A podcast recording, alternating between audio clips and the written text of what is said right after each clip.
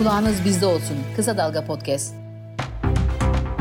Kısa Dalga'dan herkese merhaba. Bugün konuğum Garo Paylan. Hoş geldiniz. Hoş bulduk, merhabalar. Merhaba. Birkaç gün önce yayın yapacaktık aslında öyle sözleşmiştik ama Meral Danış Beştaş e, kaza geçirdi. Çok geçmiş olsun. Maalesef. Buradan da iletelim. İyidir umarım. E, e, daha iyi ameliyatı oldu. E, iyileşme safhasında birkaç hafta sürecek ama e, maalesef e, sahada çok fazla olamayacak. Onun yerine bizler dolduracağız. Erzurum milletvekili adayımız kendisi. Onun yerine bizler sahada onun adına kampanya yapacağız. Hı hı hı hı. Biraz da fazla ısrarcı oldum sizinle konuşmak için. Yani tabii ki işte Yeşil Sol Parti konuşmak için e, e, başka milletvekilleri de görüşeceğiz ama ben sizinle görüşmek için özellikle ısrarcı oldum. Hemen neden ısrarcı olduğum konusuyla ilgili de o sorumla başlamış olayım. Şimdi HDP e, Yeşil Sol Parti diyelim artık. Yeşil Sol Parti'nin listelerini görünce e, sizin liste dışı olduğunuzu duyunca çok üzüldüm açıkçası. Çünkü ben sizi mecliste görmek isterdim. E, hem iyi bir siyasetçisiniz hem de Ermeni azınlığın temsilcisi olarak da mecliste bulunmanız gerekiyordu ve Yeşil Sol Parti'nin bunu göz ardı ettiğini düşünüyorum. İki dönem kuralı dendi ama bu iki dönem kuralının esnetildiği isimler de var. Üstelik sadece eş başkanlar da değil. Siz ne düşünüyorsunuz bu kararla ilgili? İki dönem kuralı var partimizde ve ben iki dönemdir milletvekiliyim ve e, liste dışı yani kalmış gibi gözüksem de siyaset dışında değilim. Yani ben partiliyim, partimin kurucusuyum. Partimin eş genel başkan yardımcılığını yaptım, e, milletvekilliğini yaptım. MYK'sında parti meclisinde yıllarca görev aldım ve hala partideyim. Yani o açıdan siyasetin dışına çıkmadım. Ama tabii ki bu bir e, yani benim devam etmem yönünde ciddi bir talep vardı. Bu talep konusunda da mutabakat komisyonumuz bir arayış içindeydi. Ama bu sağlanamadı. Sebebini de ben şöyle görüyorum. Yani partimiz ittifaklar birleşkesi. Çok sayıda ittifakımız var. Ve yeni dönemde yeni ittifak arayışları da söz konusu oldu. Bunu biliyorsunuz. Bu tartışmalar içinde e, yeterince bu konuya odaklanamadığını düşünüyorum. Ve tabii ki Yalnızca benim değil, tabii ki benim olmam konusunda bir mutabakat vardı, ciddi bir talep vardı. Yalnızca Ermeni toplumundan, Ermeni dünyasından değil, Türkiye'de e, beni seven milyonlarca insanda bu talebi vardı ama bu talep karşılanmadı. Artı Ermeni bir adayın olmaması da tuzu biberi oldu bu konunun. Yani başka bir Ermeni adayın olmaması da bu bir, bir eksikliktir. Bu eksikliği de ben ve arkadaşlarım gidermeye çalışacağız. Yani yalnızca meclis grubu olarak bakmayalım meseleye. Bir siyaset kurumu olarak bakalım. Bir değişim olacak. Değişimden sonra da mücadele devam edecek. Bence artık bu aday olduğu olmadığı tartışmalarını bir kenara bırakmak lazım. Tabii ki eksiklikler, kızgınlıklar, kırgınlıklar söz konusu olabilir ama bu meseleyi artık 14 Mayıs'taki seçim başarımıza odaklanmamız lazım. Başka adaylarımız var, onların başarısı için odaklanmamız lazım. Ama bu eksikliği de parantez içine alıp 14 Mayıs sonrası gidermek, nasıl gidereceğimiz ve nasıl tartışacağımız konusunda da 14 Mayıs sonrasında bu meseleyi bırakmamız gerekiyor diye düşünüyorum Yeşim Hanım. Yani haklı olabilirsiniz ama ben de şimdi işte kadın listedeki kadın oranlarını konuşunca işte şimdi değil falan oluyor sürekli. Herhangi bir şey konuşunda böyle şimdi değil oluyor ya o şimdi değil'e biraz biz seçmenler da bir dakika ya şu an evet şu an konuş tam da şu an konuşulması lazım gibi bir belki gazetecilik refleksi belki seçmende de bu refleks var bilemiyorum ama yine de konuşmamızın değerli olacağını düşünüyorum. Ya ben... Bu şimdi değil meselesi şu hemen şunu araya girin çok özür dilerim. Yani tabii ki mesela herkesin içine sinmeyen noktalar var. Mesela CHP listelerinde şu var bu var. HDP listelerinde şu eksik. E, tip listesinde şu var. Hatta AKP tarafında bile işte Hüdaparlılar var, onlar var, bunlar var. Hiç kimse mutlu değil listelerden baktığımızda tam, tam anlamıyla. Herkes biraz bağrına taş basarak e, oy verecek gibi. Tam bir mutluluk yaratmak da bence mümkün değildi. Evet ihmal edilenler oldu. Bunlardan birisi de Ermeni aday meselesiydi. Ama şimdi bu kızgınlıklarımızı, kırgınlıklarımızı bir kenara bırakmamız lazım. Bu seçim tek adam rejimine son verme seçimidir.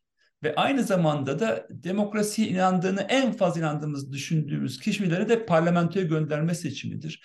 Bu her ikisini de başarırsak yeni bir döneme başlayacağız. Yoksa bu tartışmaların hepsi boştur. Yani ben olmuşum, ben olmamışım. Tek adam kazandıktan sonra hepsi boştur diye düşünüyorum. O açıdan kızgınlıklarımızı, kırgınlıklarımızı parantez içine alalım. 14 Mayıs sonrası bunların hepsinin öz eleştirisini ve eleştirisini birlikte yapalım. Peki ben Diyoruz. bir araştırma yaparken şöyle bir bilgiye de denk geldim. Doğruluğunu da teyit etmek e, için sorayım. Hani 50 yıl aşkın bir süre sonra ilk defa e, Türk parlamentosuna giren milletvekilisiniz aynı zamanda. Doğru mu? Doğru. Yani benimle birlikte iki milletvekili daha girmişti 2015 yılında. Biri AKP'den, biri CHP'den ve ben. Ama 2018 yılında tek ben vardım. Yani daha doğrusu Markar Esayan'ı e, kaybettik AKP'den. Son dört yıldır parlamentoda olan tek Ermeni milletvekili benim. Ya işte bu konuda çok önemli gerçekten. Peki ne olacak? Bu bu dönem biz bir sonraki dönem tekrar aday listesinde olacaksınız ve bu arada nasıl süreç devam edecek? Şimdi, şimdi bakın 14 Mayıs sonrasına dair e, benim herhangi bir planım söz konusu tek bir planım var. Türkiye'yi demokrasiye taşımak. Yani bu da yalnızca parlamentoda yürümez. Yalnızca parlamenter mesele indirge, indirgersek ve milletvekillerine bu meseleyi bırakırsak Asla bu mesele olmaz. Ben zaten bir insan hakları aktivistiydim. Bir sivil toplum gönüllüsüydüm. Ermeni toplumunda aktif görev aldım. Sahada, sokakta her yerde aktif bir siyasetçiydim. Şimdi öyle olacak. Yalnızca milletvekili titrim olmayacak. Belki dokunulmazlığım olmayacak. Yani bu anlamda bir farklılık olacak ama mücadeleye sonuna kadar devam edeceğim. Bundan hiç kimsenin şüphesi olmasın.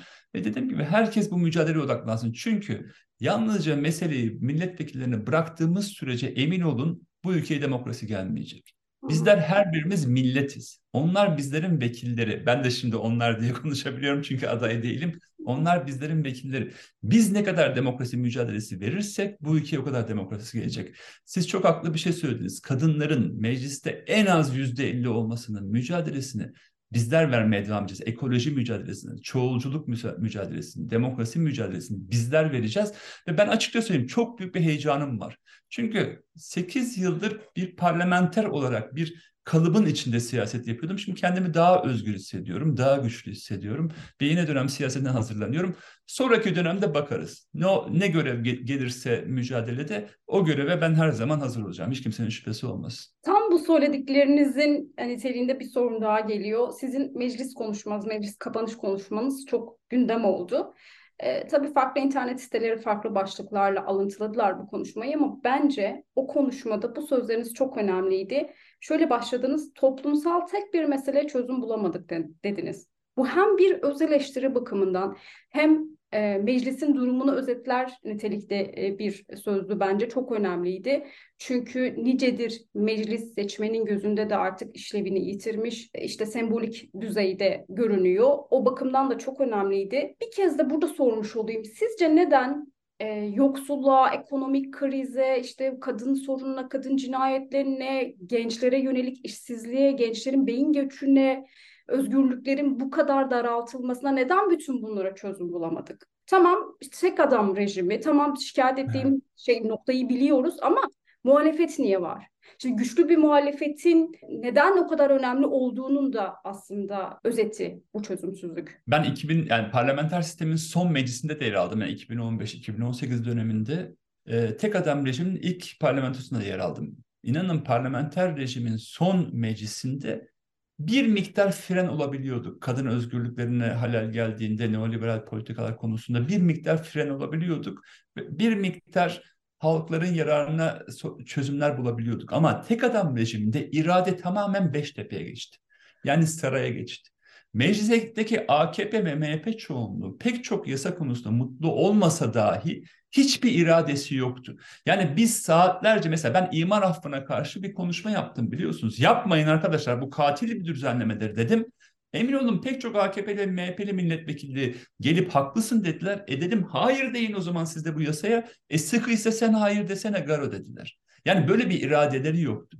Sonuç olarak parlamento bu yüzden işlevini yerine getirmedi. Parlamentoların varlık sebebi kra geçmişte krallar ve padişahlar diyelim ki savaş istediklerine savaşı durdurmaktır. Yoksulların vergisini zenginlere aktarmak istediklerinde de krallar, padişahlar bunların hayır bunları yapamazsın diyebilmektir. Bir fren mekanizması işlevi görür. Ama milletvekillerini eğer ki tek adam seçiyorsa ve özellikle de padişahım çok yaşa diyenleri milletvekili yapıyorsa orada fren mekanizması işlemez. Ama madem, ne zaman ki parlamentoyu işlemiyorsa ve meseleyi parlamenterlere bırakıp vay bu bak bu muhalefetten bir iş olmuyor, bu parlamenter bir işe yaramıyoruz dersek, derseniz orada da bir eksiklik var. Esas mücadele halktadır, sokaktadır. Parlamenterler o mücadeleden güç alırlar. Derler ki bakın mesela EYT'liler başardılar değil mi? Ne yaptılar? Sokakta bu mücadele var. Evet eksik bir başarıydı. Stajyerleri, çırakları katamadık. Ama onların mücadelesi iktidarı buna zorladı. O açıdan kadın özgürlüğü konusunda e, adalet konusunda, ekonomi konusunda, gelir eşitsizliği konusunda, emeklilerin, esnafın, çiftçinin hakları konusunda her konuda sokakta mücadele varsa bunun yansıması parlamentoda olur ve parlamentoya eğer ki iki özellikte vekilleri gönderirseniz yani vicdanlı ve adaletli vekiller benim bence bir vekilde olması gereken en önemli şey vicdanlı ve adaletli olması. Bir de iradesi var mı yok mu diye buna bakmak gerekir. Ben mesela 8 yıllık vekilliğim döneminde hep vicdanımla ve adalet duygumla hareket ettim. Ve irade tamamen kendimdeydi. Arkadaşlarımla birlikte e, barış için, adalet için, toplumsal e, e, adalet için ve ekonomideki adalet için mücadele ettim. Hep vicdanımın sesini dinledim. Ama AKP ve MHP çoğunluğu yalnızca Beştepe'de tek adamın yazdığı fermanlara göre oy verdiler. O yüzden ilerleme sağlayamadık. Eğer dediğim gibi parlamento işlemiyorsa toplum devreye geçmeli, sendikalar, kadın örgütleri devreye geçmeli. O yüzden iğneyi hepimiz kendimize ve çuvaldızı milletvekillerine batırmamız gerekir diye düşünüyorum. Peki.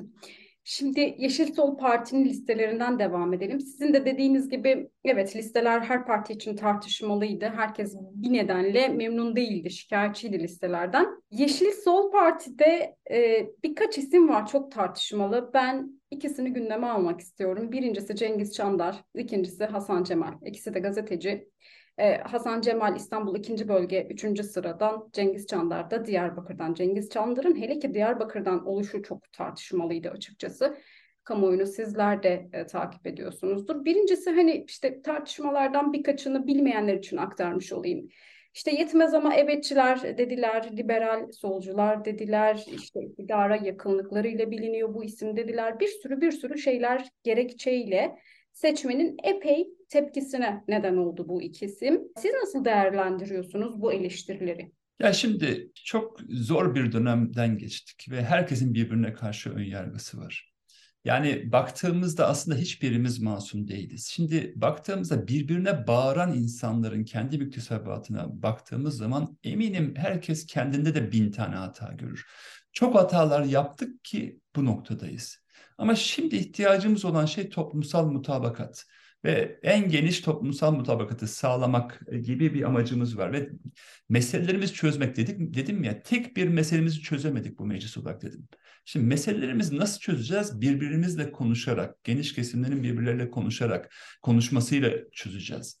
Bakın bu konuda HDP çok önemli irade koydu sürekli ne yaptı? En geniş kesimlerin temsiliyetini hedefledi. Öyle değil mi? Sosyalistler, solcular partimizde ama muhafazakarlar, mütedeyinler de part, partimizde. Liberaller, sosyal demokratlar da partimizde. Bir demokrasi ittifakından bahsediyoruz. Şimdi bu noktada e, maalesef iki isim çok tartışıldı. Yani ben bunu çok gereksiz görüyorum. Çünkü partimiz asla kişiler üzerine e, siyaset kurmaz. Sonuç olarak bir toplumsal mutabakat üzerine siyaset kurar.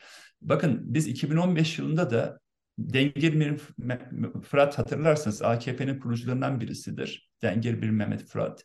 Ve Celal Doğan yani CHP'nin çok belediye başkanlığı yapmış iki isim partimizde milletvekilliği yaptı. Niçin e, onların milletvekili olduğunu düşündüğümüzde e, geniş toplumsal kesimlere bir el uzatmak, diyelim ki AKP sosyolojisiyle e, veya AKP ile yeni bir dönemde müzakereler söz konusu olsa rol almaları için bence milletvekilleri oldular. Ama böyle olmadı çözüm süreci sona erdirildi ve çatışmalı bir sürece geçtik.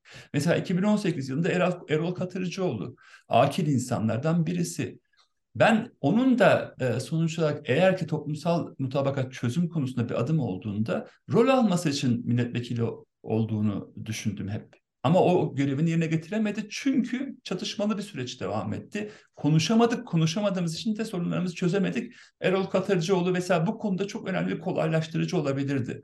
Şimdi de benim düşüncem, tabii benim okumam olarak söylüyorum. Hasan Cemal'in ve Cengiz Çandar'ın yeniden bu arayışın bir tezahür olarak görürüm. Ha insanların geçmiş müktesebatı ile ilgili kızgınlıkları olabilir, kırgınlıkları olabilir. Evet bunların hepsini gözetelim, görelim ama parantez içine de alalım. Çünkü yeni bir beyaz sayfa açma dönemindeyiz. Ve hani e, ünlü bir laf vardır, şöyle denir, e, İsa şöyle der. En masum olanınız ilk taşı atsın der. Yani herkes bu konuda kendini sorgulamalı diye düşünüyorum. Cengiz Çandar da Hasan e, Cemal de yaşlı insanlar. Yani yaşlanmış insan, yaş almış insanlar. geçmiş muktesebatı ile ilgili pek çok sevdiğiniz övgüye değer şeyler de yapmışlardır. Eleştirilebilecek şeyler de yapmışlardır. Ama hepimiz geçmişte yaptığımız hatalar vardır. Aldığımız pozisyonlar gereği. Şimdi yeni dönemde bu anlamda hepimiz e, birbirimizi elbette eleştirelim ama yeni bir beyaz sayfa açmayı ve birbirimizle helalleşmeyi, barışmayı, öz eleştiri ve eleştiri verebilmeyi de göz önümüze alalım diye düşünüyorum. Bu kızgınlıklarla devam edersek de sandık motivasyonunun kırılabileceğine dair endişem var. Yani vay efendim o listede bu var ben ona oy vermem. O listede bu var ben ona oy vermem diye gidersek emin olun aradan tek adam sıyrılabilir. Çünkü Hitler 1933 seçimlerinde Almanya'da böyle başardı. E, muhalefet parçalıydı ve birbirlerine kızgınlar, kızgındı. Ko- komünistler sosyalistleri kızıyordu, sosyalistler sosyal demokratlara, sosyal demokratlar liberallere kızıyordu. O listede o varsa ben ona oy vermem, bu listede bu varsa ben ona oy vermem diye e, şansölye seçiminde oy vermediler ve Hitler aradan sıyrıldı. Hem Almanya'yı felakete sürükledi hem de dünyayı yıkıma sürükledi. Böyle bir hakkımız olmadığını düşünüyorum. Şimdi hepimiz sevgili Selahattin Demirtaş'ın e, bir sözü vardı hatırlarsınız. Bağrımıza taş basacağız. Hani bir kişiye kızabilirsiniz, bana, bana kızabilirsiniz, Hasan Cemal'e, Cengiz Çandar'a veya CHP listesine X kişiye kızabilirsiniz ama mutlaka sandığa gitmelisiniz. Gönlünüze en yakın olan ve milletvekili çıkarmaya en yakın olan siyasi partiye oy vermelisiniz. Aynı zamanda da ben söyleyeyim elbette en demokrat Cumhurbaşkanı adayı olarak gördüğümüz Kemal Kılıçdaroğlu'na oy vermelisiniz. Bu olduğunda, bu olduğunda başaracağız. Hem demokrat bir cumhurbaşkanı seçmiş olacağız. Yani hepimiz nispeten demokrat gördüğümüz bir cumhurbaşkanı seçmiş olacağız. Hem de parlamentoda demokrasiye daha fazla inandığımız insanları parlamentoya taşımış olacağız. Eğer kızgınlıklarımızda vay ben sandığa gitmem dersek de ülkeyi karanlığa sürüklemiş olacağız. Hiç kimsenin böyle bir sorumluluk almaması gerekiyor. Bu seçim o seçim değil. Bu seçim idealimize ulaşma seçimi değil. Bu seçim tek adam rejimden kurtulma seçimi. Parlamentoda de, demokrasiye daha fazla inandığımız insanları parlamentoya gönderme seçimi. Bir sonraki seçimde ideallerimize göre oy verebiliriz. Ama bu seçim o seçim değil.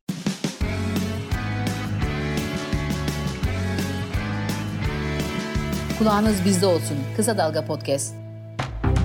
Şimdi yaşa bir vurgu yaptınız ya ben de aslında onu e, şimdi genç seçmen biraz daha genç seçmenden bu talep gelince biraz yaşlılık gibi algılanıyor ama bence çok haklılar.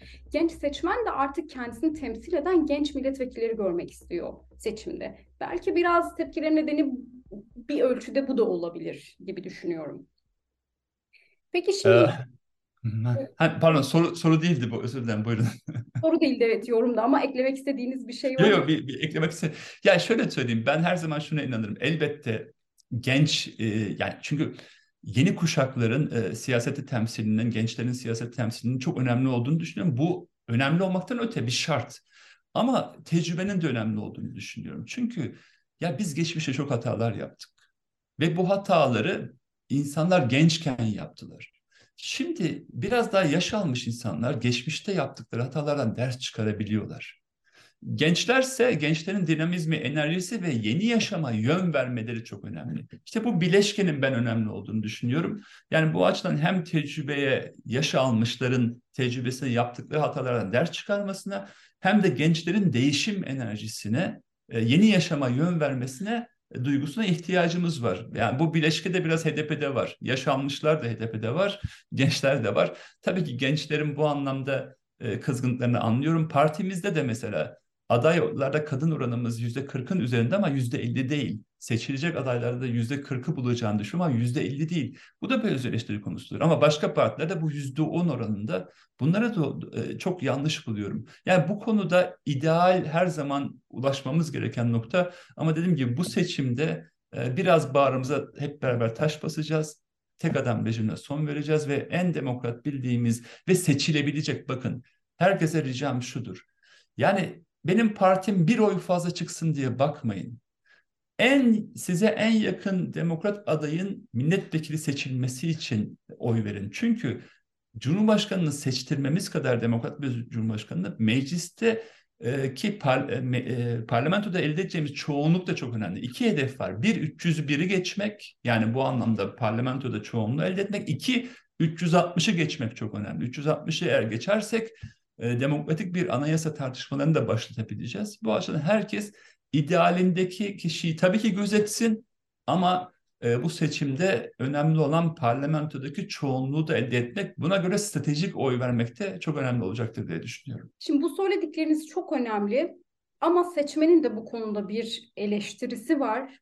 Ben sizi yayına almadan önce bir sosyal medyadan bir soru, sorusu olan varsa ulaştırabilir bir tane soru seçeceğim falan demiştim. Bir tane güzel bir soru seçtim. Onu da yeri gelmişken aktarmış olayım. Tiple beraber seç, listeleriniz, ortak listeleriniz de var ama tipin işte liste e, kendi listesini çıkardığı bölgelerde var.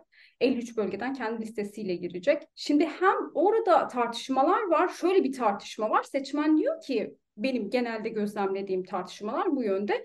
Seçmen diyor ki ya bazı yerde HDP de tip de işte Yeşil Sol Parti de tip de aday çıkarıyor ve işte e, seçmene e, hangi aday daha güçlü, buradan hangi aday e, çıkabilir şeyi yok diyor. Bunu seçmene aktaramadılar. Güzel bir araştırma yapılıp da bunu seçmene aktarabilirlerse seçmenin de kafası net olur.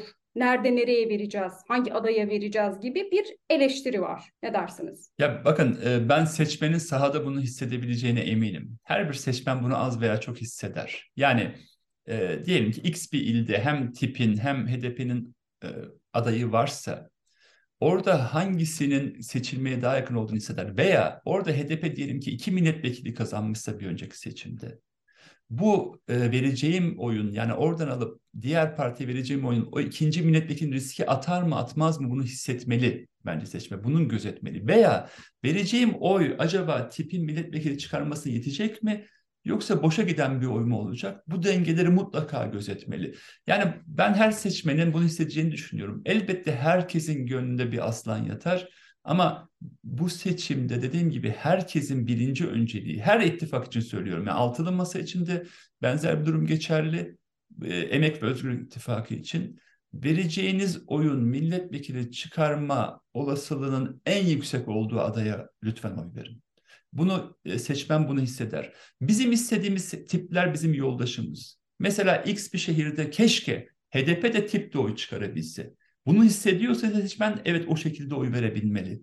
Ama onlardan yalnızca bir tanesinin oy vekil çıkarma olasılığının yüksek olduğunu görüyorsa o noktada ona oy vermeli diyoruz. Ya yani biz bu yönde elbette seçmeni yönlendireceğiz. Yerelde bu çağrılar yapacağız. Çünkü her ilde durum farklı. Mesela bir ilde bizim bir önceki seçimde 5000 oyla kazandığımız veya kaybettiğimiz e, iller var. Bu illere diyeceğiz ki hayır bu durum, ilde durum riskli. Mutlaka parti, Yeşil ve Sol Parti'ye oy verin.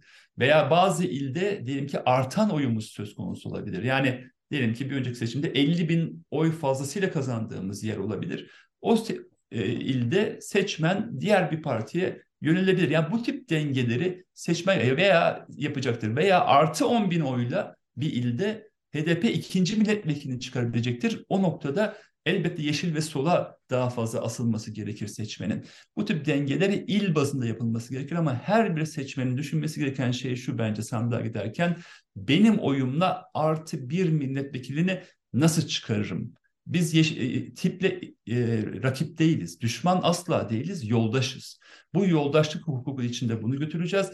Önemli olan toplamdaki hedefimiz 100 milletvekilidir. 100 milletvekili yerine 90 milletvekili çıkarmak hem tiplilere hem bizi üzer ve o kaybedeceğimiz 10 milletvekili de meclis çoğunluğunu elde etmeye yarayabilir. Yani AKP hala benim görüşüm 270 280 milletvekili alabilecek durumda. Ama biraz daha oyunu artırırsa meclis çoğunluğunu kazanabilir. Yani Cumhurbaşkanlığını alsak dahi meclis çoğunluğunu alamama riskiyle karşı karşıyayız. O açıdan her bir milletvekili çok önemli. Bu açıdan seçmen bu noktada oylarını konsolide etmeli. Yani Emek ve Özgürlük İttifakı içinde hangi partinin vekil çıkarma olasılığının daha fazla olduğunu düşünüyorsa o ilde orada konsolide olmalı. Biz bu noktada tabii ki yeşil ve solun vekil çıkarma olasılığını her yerde çok daha fazla görüyoruz. O noktada konsolide etmesini gerektiğini düşünüyoruz. Ama bazı illerde eğer ki seçmen o noktada tipin de çıkarma olasılığını olduğunu düşünüyorsa elbette orada da oylarını toparlayabilir ama biz Yeşil Sol'un her yerde vekil çıkarma olasılığını çok daha fazla görüyoruz tabii ki. Türkiye İşçi Partisi ile olan liste tartışmaları gündeme oturdu. Aslında bir konsensus çıktı ama bence yankıları devam ediyor. Siyasetçiler evet. açısından da yankıları devam ediyor. Zaten işte zamanda e, Selahattin Demirtaş'tan da bir açıklama gelmişti. Hala yanlış olduğunu düşünüyorum gibi bir açıklama. Yoldaşız dediniz. Evet tamam e, bunu her iki parti de söylüyor. Ama bu yoldaşlık ilişkisi tartışılması gereken şeylerin, eleştirilmesi gereken şeylerin de önüne geçiyor olabilir bence. Ne dersin? Bunları da parantez içine alıyoruz Yeşim Hanım. Bakın biz tek liste girmek için çok çaba gösterdik. Emin olun ben de çok çaba gösterdim. Bu seçim o seçim değil dedik. Kendi iddiamızı, tamam, kendi peki ben tamam çok özür dilerim. Saydırma seçimi değil dedik. Tamam çok haklısın. Peki şey sorup bu konuyu kapatmış olayım sandığa yankıları nasıl olacak? Seçimde yankıları nasıl olacak? Bu liste tartışmalarını. Şimdi şöyle, e, eğer ki az önce söylediğim şeyi başarabilirse seçmen, yani benim oyum e, boşa mı gidecek? Yani yoksa vekil mi çıkaracak diye iyi hesabını yapabilirse ve biz bunu yerelde bakın iyi anlatabilirsek. Mesela Antalya'da, İzmir'de, Bursa'da, ne bileyim e, İstanbul'un belli bölgelerinde e, birlikte giriyoruz. Gerçi özür dilerim Bursa'da girmiyor tip. Mesela Antalya'da giriyor. Hatay'da mesela. Hatay'da mesela şöyle bir durum var. Benim korkum şu. Hatay'da hem tip girecek yani Can, Can e, var Atalay avukat ve aynı zamanda HDP giriyor. Benim öngörüm şu noktada ikisi birden de çıkabilirdi tek bir liste girseydik. Ama şimdi sıfır da çekme olasılığımız var. Her ikisinde kaybetme olasılığı var. Bu noktada oyların bir yerde konsolide olma ihtiyacı var ki biri çıkabilsin. İşte bu tartışmayı yerelde yapılması lazım. Yerelde pek çok siyasi dinamik var. Bizim bileşen partilerimiz var. Bu tartışmayı yapıp bir noktada oyları konsolide etmenin bir başarı getireceğini düşünüyorum. Yani bunu da yerelde yapılmalı veya seçmen eğer siyasetçi bunu başarmazsa seçmen bunu başaracaktır. Ee, veya Antalya'da diyelim ki iki milletvekili, üç milletvekili çıkarma olasılığımız da var. Bir milletvekilinde kalma olasılığımız da söz konusu. Bu açıdan bu konsolidasyonu nerede seçmen yaparsa o noktada e, bunların e, hesabının çok iyi yapın. İzmir'de mesela 4 milletvekili, 5 milletvekili çıkarma olasılığımız da var. 3'te kalma olasılığımız da var. Yani bizim toplamda 100 milletvekiline çıkma olasılığımız da var. 90'da kalma, 80'de kalma riskimiz de var. İşte bu açıdan e, en iyisi tabii ki tek liste olmasıydı ama artık bu tartışma bitti. Bu noktada seçmenin benim oyum artı bir milletvekilini en demokrat, bana en yakın düşünceli olan milletvekilini çıkarmak için nerede konsolide et, olmalıyım diye hesabını iyi yaparsa eminim ki oylarımız boşa gitmeyecek ve demokrasiye inanan adaylar mecliste daha çok temsil edilmiş olacak. HDP işte Anayasa Mahkemesi'nde devam eden kapatma kararı nedeniyle Yeşil Sol Parti olarak seçime girecek. Birincisi şunu sormak istiyorum. Seçime az bir zaman kala bir çözüm olarak tabii öne sürüldüğü işte Yeşil Sol Parti ile girmek. Biraz riskleri de yok mu? Birincisi bunu sorayım. İkinci sorum da Yeşil Sol Parti listesinde de işte HDP'nin siyasi yasak istenen isimleri var. Nitekim işte Kobani davasında işte bazı tutuksuz yargılanan e, milletvekillerinin tutuklu yargılanmasına karar verildi. Bunlardan biri de sırrı... sırrı... Karar verilmedi. Savcı istedi. Ya ama e, mahkeme karar vermedi henüz. 2 Temmuz'a mı 3 Temmuz'a mı kararı evet. Evet. Doğru. Ama mesela işte e, Sırrı Süreyya Önder'in röportajını e, okudum. O da mesela şey demiş, milletvekilliğine hazırla, meclise hazırlanırken işte cezaevine hazırlığa geçtim gibi bir şey demiş. Şimdi diyelim ki oradan karar çıktı. Bu e, Yeşil Sol Parti'deki siyasi yasaklı isimlere ne yapılacak, ne olacak? Bakın 10 Yeşim Hanım 14 Mayıs'ta devranını döndürürsek bu davaların hepsinin boş olduğunu göreceğiz. Yani ifade özgürlüğü ilgili, siyasi özgürlüklerle ilgili, basın özgürlükleriyle ilgili bütün davalar düşecek. Çünkü bunların hepsi siyasi davalardı.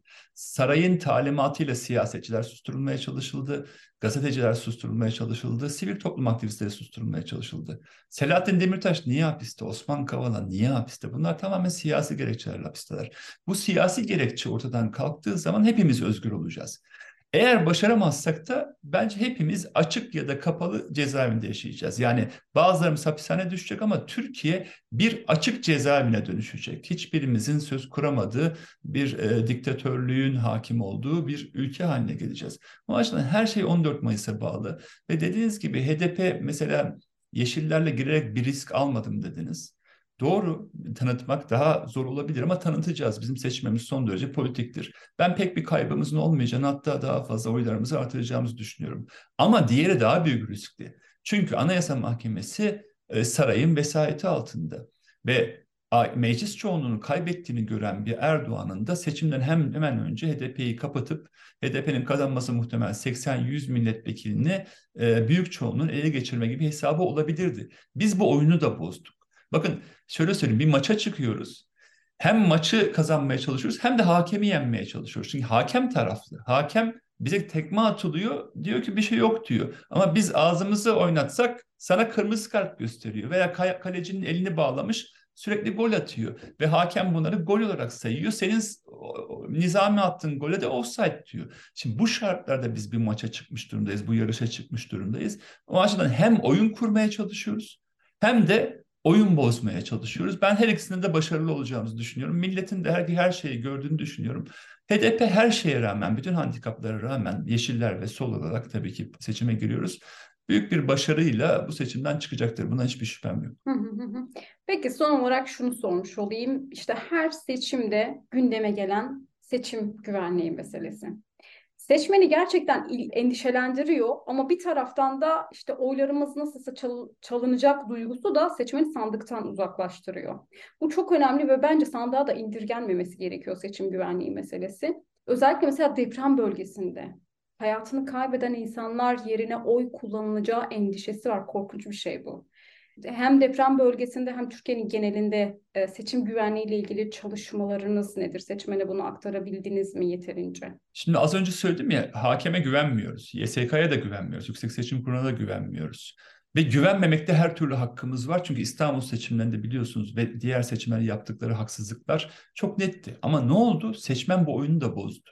İlk seçimde e, oylarımızı iptal etmeye kalktılar. İkinci seçimde 1 milyona yakın oy farkıyla İstanbul'u kazandık. Şimdi de ben şöyle düşünüyorum bakın. Kaygı önemli bir şeydir. İnsan için kaygı insanı koruyan bir şeydir. Yani de, tehlikeli bir sokağa girerken mesela e, kaygılanmak sizi korur. Acaba o sokakta bir e, efendim arsız hırsız mı var diye düşünürsünüz ve kendinizi korumaya alırsınız. Sağa solu gözetirsiniz. Ama kaygının fazlası ve anlamsız olanı insanı anksiyeteye sokar. Hatta panik atağa sokar ve atalete sokar. Yani bir şey değiştiremem duygusuna sokup nihilizme sokar ve e, harekete geçemezsiniz. O açıdan gelin bu kaygıyı dozunda bırakalım. O dozunda bırakmak bizi motive eder. Sandığı daha fazla koruma motivasyonuna sokar. Ama fazlasına geçersek sandık motivasyonunu kırarız. Ben iddiayla söylüyorum. Bu seçimde AKP'nin çalabileceği oy oranı binde biri geçmez. Eğer biz çok motive olursak. Ama kaygıyı artırırsak, nihilizme geçersek ya biz ne yaparsak yapalım o bu e, maçı kazanır diye bakarsak yüzde on kaybederiz. Yüzde on oyu sandığa götüremeyiz bu ve bu seçimi kaybederiz. O açıdan e, kaygıyı güçlü tutup bir noktada tutup sandık motivasyonunu güçlü tutarsak büyük kazanırız. Bundan hiçbir şüphem yok. Varsın onlar efendim her türlü oyunu yapacakları hissini vermeye çalışsınlar. Emin olun biz eğer ki birbirimize cesareti bulaştırırsak onların bulaştırdığı korkuyu da yenmiş oluruz. Bu seçimde korkuyu da kaygıyı da yenmek durumundayız ve cesareti birbirimize bulaştırmak durumundayız. Aynı İstanbul seçimlerinde olduğu gibi ben bir sayı da vereyim. Bu seçimi biz 5 milyon oy farkıyla kazanacağız. Hiçbir şüphem yok. İlk turda bir bu seçim bitmeme olasılığı var. Evet. Ama ben ilk tur, turda da bitirme yönünde motive, motive olmamız gerektiğini düşünüyorum. Ama ikinci turda kalırsa da 5 milyon oy farkıyla kazanacağız. İlk turda eğer bitmeye kalkarsa da 2-3 milyon oy farkıyla bu seçimi e, kazanacağımızı düşünüyorum. Ama %50'ye yakın bir yerdeyiz. İlk turda bitirmek için bence motive olmalıyız. Yani çünkü bu ülkenin kaybedeceği bir 15 gün daha yok. Ekonomi çok kırılgan ve ikinci tura doğru e, provokasyon riskleri de artabilir. O açıdan ilk turda bitirmek üzere bence hepimiz e, motive olup %50'nin üzerinde bir oyla Cumhurbaşkanı seçtirmek ve parlamentoda 360 milletvekilinin toplamda muhalefetin geçmesini sağlamamız gerekiyor. Bu yönde motive olalım göreceksiniz büyük kazanacağız. Ya ben biraz da Türkiye özelinde mi böyle bilmiyorum ama yani bu demokrasi ve özgürlükler mücadelesinin seçime çok indirgendiğini düşünüyorum. Yani seçim gelecek, her şey değişecek. İşte bu seçimden sonra her şey çok bambaşka olacak söylemleri. Yani seçmeni hem yoruyor hem toplumda bir gerginlik, seçim gerginliği sürekli oluyor. Yani seçim geçene kadar herkes gerçekten böyle bir teyakkuzda olma hali, bir gerginlik falan. Çok mu bu demokrasi ve özgürlük mücadelesini seçime indiriyoruz? Ne dersiniz? Ama bakın Yeşim Hanım yıllardır insanlar sandığı bekliyor. Çünkü bakın e, açlar, yoksullar, özgürlükleri kısıtlandı ama hep şu umut vardı. Bütün kurumlarımız çökertildi, parlamento işlemiyor, yargı bir sopa haline getirildi, basın baskı altında ama bir kurumumuz daha var. Seçim kurumu. Yani seçimle iktidarı değiştirme umudumuz, demokratik yollarla değiştirme umudumuz. Herkes bunu bekledi. O yüzden herkes 14 Mayıs'a kilitlendi ve bir dip dalga var. %60 değişim istiyor. Bu dip dalga iktidarı götürecek. Bu yüzden seçimi bekledi insanlar. Ama şunu unutmayalım. 15 Mayıs gününde düşünmemiz gerekiyor. 14 Mayıs'ta kazanacağız ama 15 Mayıs günü bu ülke bir anda demokrat demokratik bir ülke olmayacak. Mücadelede devam edecek. Bu konuda bir Ermeni olarak da bir e, tarihi hatırlatayım. Yani Abdülhamit dönemi karanlık bir dönemdi. İstibdat dönemiydi, tek adam dönemiydi. E, hepimiz zannettik ki Abdülhamit'ten kurtulursak ülkeye demokrasi gelecek. Evet 1908'de gerçekten bir bahar havası esti. Abdülhamit'ten kurtulduktan sonra e, parlamento tekrar açıldı, parlamenter rejime geçildi. Bir bahar havası es esti ama daha sonra daha büyük bir kış geldi. İttihat ve Terakki Partisi içinde de demokratlar vardı. Ama İttihat ve Terakki Partisi içindeki bir junta gücü eline geçirdi. Hem Ermeni halkının felaketini hem de bütün Anadolu halklarının felakete sürükledi. Birinci Dünya Savaşı'na soktu. Büyük bir yıkım yaşattı. O açıdan bu 14 Mayıs'tan sonraki 15 Mayıs'ta çok iyi düşünüp demokrasinin rüzgarını estirmemiz gerekiyor. Yoksa müesses nizam için yeni bir makinist bulmak zor değildir. Erdoğan da 20 yıl önce biliyorsunuz demokrasiden, Avrupa Birliği'nden, insan haklarından bahsediyordu. Ama ne oldu? Müesses nizam onu da aldı, zulmün bir makinisti haline getirdi. Yeni dönemde de e, yeniden milliyetçi akımlar var iktidar içinde, yeni iktidar namzeti içinde. Onların hegemonyasının olmamasını sağlamamız lazım. Bir de Yeşil ve Sol Parti niye mecliste güçlü olmalı gerekir biliyor musunuz? Yeni iktidarın da demokrat bir muhalefete ihtiyacı var. Ne zaman ki kadın özgürlüğüne halal getirmeye kalkarlarsa, ne zaman ki neoliberal politikaları yeniden dayatmaya kalkarlarsa, ne zaman ki derelerimize, ormanlarımıza kastedecek ekoloji dışı programlar ortaya koymaya kalkarlarsa biz onların karşılarına dikileceğiz. Ve onları demokrasiye doğru, kadın özgürlüğüne doğru, ekolojik bir yaşama doğru çekmeye çalışacağız. Bu açıdan dediğim gibi 14 Mayıs'ta elbette kazanmalıyız ama halayları kısa tutmalıyız. Yani bir hafta sevineceğiz emin olun bir hafta bayram yapacağız halaylar hor horonlar çekilecek ama ondan hemen sonra da unutmayalım ki demokrasi mücadelesi çok geri bir noktadayız. Ülkemizi mutlak demokrasiye taşımak için 14 Mayıs'ın hemen sonra seferber olmamız gerekiyor. Aksi takdirde müesses nizam yeniden yeni iktidarı da dümen suyuna çekmeye çalışabilir. Buna karşı da hepimizin uyanık olması gerekir ve hepimizin bu demokrasi mücadelesini bakın açıkça söylüyorum milletvekillerine ve hatta Kemal Kılıçdaroğlu'na bırakmamamız gerekir. Demokrasi mücadelesi sokaktan başlar, fabrikada başlar, mahallede, parkta, e, atölyede başlar. Oralardan başlatıp sözümüzün e, ve e, e, refah ve huzur talebimizin merkeze ulaşmasını sağlamamız gerekir. Bu konuda demokrasi tabii ki bir ütopya, sonsuz bir mücadele ama bu mücadeleyi asla hiç kimseye bırakmayın. Oy verdiklerinize bırakmayın. Bakın bir milletvekili olarak söylüyorum.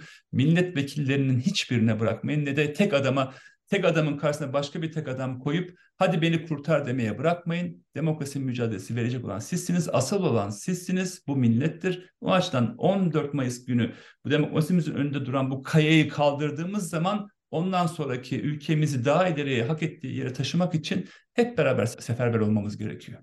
Peki. Değerlendirmeleriniz için çok teşekkürler. Benim sorularım bu kadar. Eklemek istediğiniz başka bir şey var mı? Ben teşekkür ederim. Ben 8 yıl boyunca yani e, milletvekili oldum ve beni e, onurla gururla partimin vekili oldum ve bir HDP'li olmaktan gurur duyuyorum. Partimle gurur duyuyorum. Seçmenlerimizle gurur duyuyorum. Büyük zulümler çektik. Büyük zorluklar çektik ama her şeye rağmen dimdik ayakta durduk. Emin olun bizim başımıza gelenlerin yüzde biri Türkiye'de herhangi bir partinin başına gelseydi o partiden geriye bir şey kalmazdı.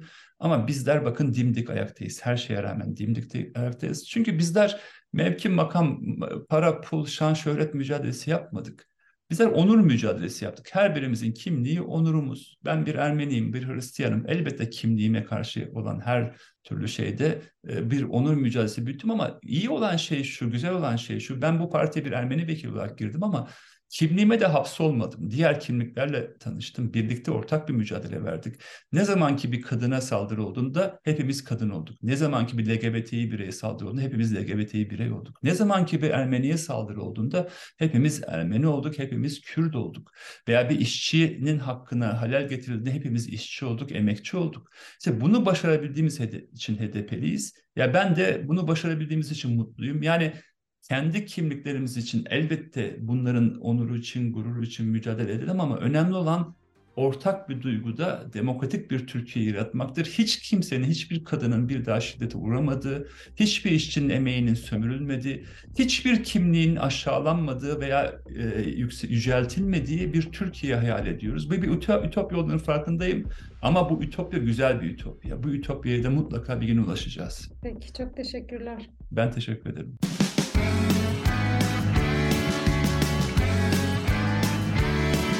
Kulağınız bizde olsun. Kısa Dalga Podcast.